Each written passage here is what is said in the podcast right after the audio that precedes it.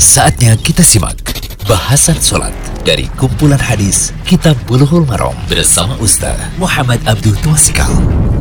Alhamdulillah, salatu wassalamu ala rasulillah wa ala alihi wa wasallam Kali ini di audio ke-17 Masih tentang waktu sholat dari kitab Bulughul Maram, kitab sholat Yaitu tentang sholat sunnah Ba'diyah Asar.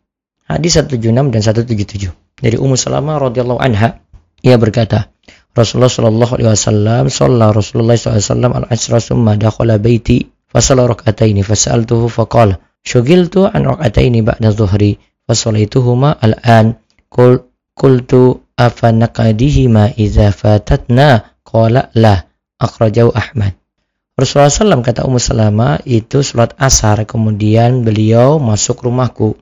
Kemudian beliau melaksanakan sholat dua rakaat. Aku bertanya pada beliau Kenapa beliau melakukan hal itu? Maka Rasulullah Shallallahu Alaihi Wasallam menjawab, aku tersibukkan sehingga luput dari sholat dua rakaat ba'diyah zuhur. Maka sekarang aku melakukannya.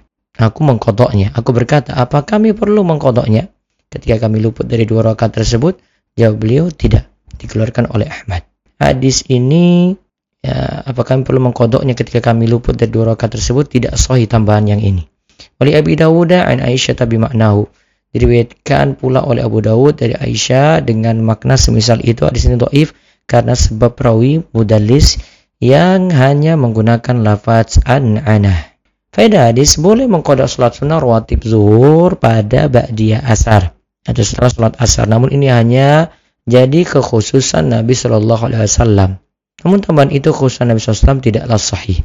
Kami bawakan di sini fatwa dari Al-Azna Ad-Daimah lil Buhus Al-Ilmiah wal Ifta, Komisi Fatwa Kerajaan Saudi Arabia, itu pernah ditanya tentang hadis-hadis yang menunjukkan adanya sholat ba'diyah asar. Mereka lantas menjawab, tidak boleh sholat sunnah setelah asar karena ketika itu waktu terlarang untuk sholat. Adapun yang dilakukan oleh Rasulullah SAW dari hadis-hadis yang disebutkan adalah untuk mengkodus sholat rawatib zuhur yang luput dikerjakan.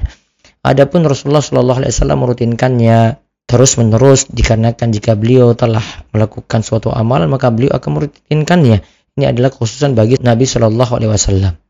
Akan tetapi masih boleh melakukan sholat yang punya sebab setelah asar seperti sholat tahiyatul masjid, sholat kusuf atau gerhana, sholat dua rakaat tawaf setelah asar maupun sholat subuh, juga sholat jenazah karena ada hadis tentang hal ini. Berarti sholat sunnah setelah asar asalnya tidak ada karena masih waktu terlarang untuk sholat kecuali tiga sebab. Pertama khusus untuk Nabi Shallallahu Alaihi Wasallam. Yang kedua mengkodok sholat sunnah rawatib duhur. Yang ketiga mengerjakan sholat sunnah yang punya sebab seperti tahiyatul masjid dan sholat sunnah wudhu. Semoga manfaat. Demikian bahasan sholat dari kumpulan hadis Kitab Bulughul Maram bersama Ustaz Muhammad Abdul Tuasikal.